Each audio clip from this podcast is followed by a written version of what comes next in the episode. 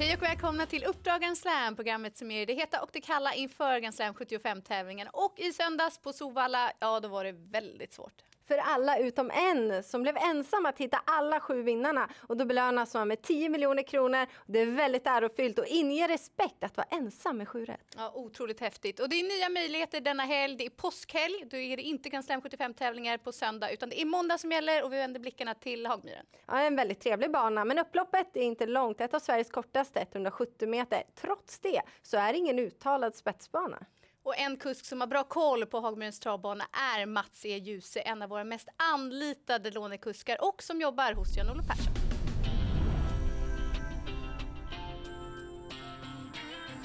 Ja, men det är korta raker och långa kurvor så eh, kurvorna har inte hästarna något problem med men eh, det blir ju när det är bilstart så, så gynnas ju spår 4, 5, 6 framförallt väldigt mycket. Eh, starten kommer ju väldigt tight efter kurvan och, och eh, ja, du kan ha en lång skubbare som har spår 5 som kan helt plötsligt bli startsnabb. Eh, så det, det är väldigt lurigt. Eh, det skiljer sig mycket från andra banor. Underlaget då, så här års?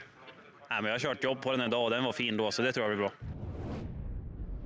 Jag och Mats har stenkoll på alla landets banor men framförallt Hagmyren och det var färska rapporter. Banan har varit fin i veckan. Det gillar vi ju att höra. Statistiken, vad bjuder den på? Ja, men trots det här korta upploppet så är det färre spetsvinnare än genomsnittet. Men det gäller ändå att sitta i den främre träffen för det är svårare att vinna lopp från köposition. En position som brukar vara tuff, ja det är utvändigt ledaren. Men faktum är att på Hagmyren så är den ganska gynnsam. Den informationen tar jag till mig och nu går vi till veckans heta. Fina kallblod som gör upp i den andra avdelningen och jag tror ju väldigt mycket på nummer 6, Brenne Odin som hade en fin treårssäsong i fjol. Det blev åtta segrar på tio starter och pricken över dit såklart segern i svensk kallblodskriterium. Här har ju kretsen kring hästen hittat en lämplig uppgift. Det är bara fyraåriga hästar som gör upp och han har tjänat klart mest pengar av övriga i fältet. Årsdebuten i april så hade han bakspår, fick eh, köras passivt där bakom men sköt till och intrycket var väldigt bra över mål. Jag tror att han är redo att ta årets första seger. Och i den tredje avdelningen så har nummer fem Sorokayamas fin form och han är anmäld barfota runt om. Han har tävlat så fyra gånger tidigare. Det har blivit två segrar och en andra plats. Och det är alltså en balans han trivs väldigt bra med. Det känns även tryggt att ha rutinerade Jenny A. Björk i sulken i detta ungdomslopp. Och vänder vi blad till den fjärde avdelningen så vet du att du har en rolig idé som du vill bjuda på. Ja, men jag tycker det. Nummer två, Hammars Karamell, som årsdebuterade senast, behövde det loppet. Men från det här fina utgångsläget så känns det spännande med tanke på att hon är riktigt startsnabb. Och jag tror att hon kan leda det här loppet länge. Och jag letar ju påskkarameller och tycker mig ha en sådan i den sjätte avdelningen och det är nummer 10, Skejelotta som gjort det helt okej. Okay, men senast då i mars då ryckte hon skorna och fick springa barfota och det gav henne verkligen en kick. Gick på i tredje spår 700 meter från mål och sparade för en stark insats som tvåa på en väldigt bra tid för klassen. Och gör hon om den insatsen, ja då är hon segerfarlig.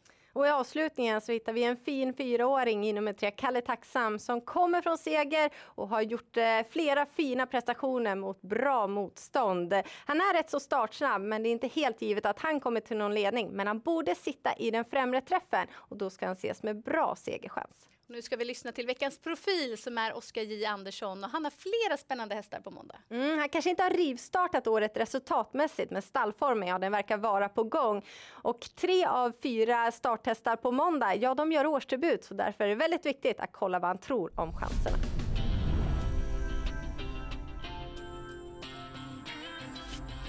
I första avdelningen fyra Ridley Alavec som var derbyfinalist i fjol och nu är det årsdebut. Hur har vintern varit? Ja, men den har varit bra. Han har eh, tränat som vi har velat och det, det känns bra.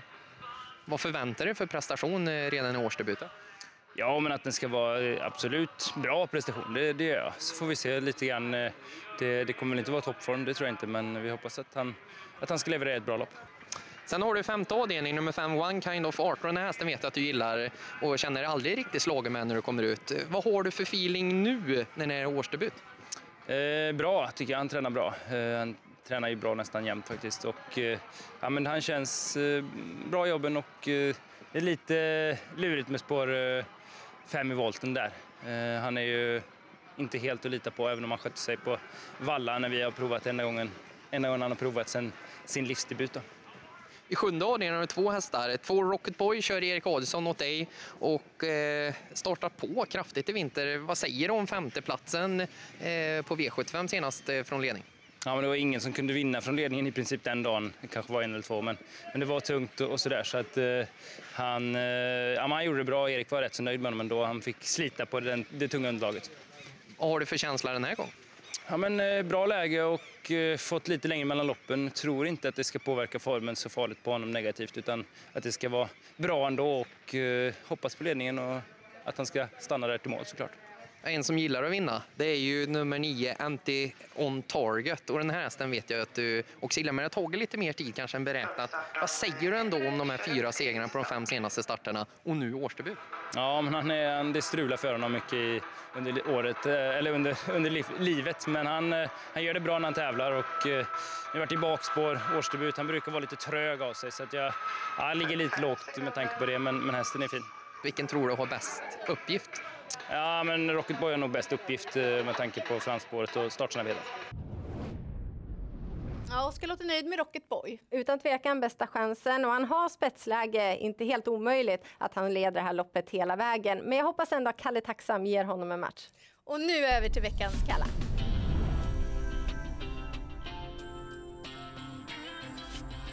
Vi börjar i den fjärde avdelningen med nummer 6, Minimaj, som är väldigt fartfylld men är inte att lita på. 12 galopper har det blivit på hennes 15 starter. Dessutom så är det autostart den här gången och det har hon provat på vid två tidigare tillfällen och det har resulterat i tidiga galopper.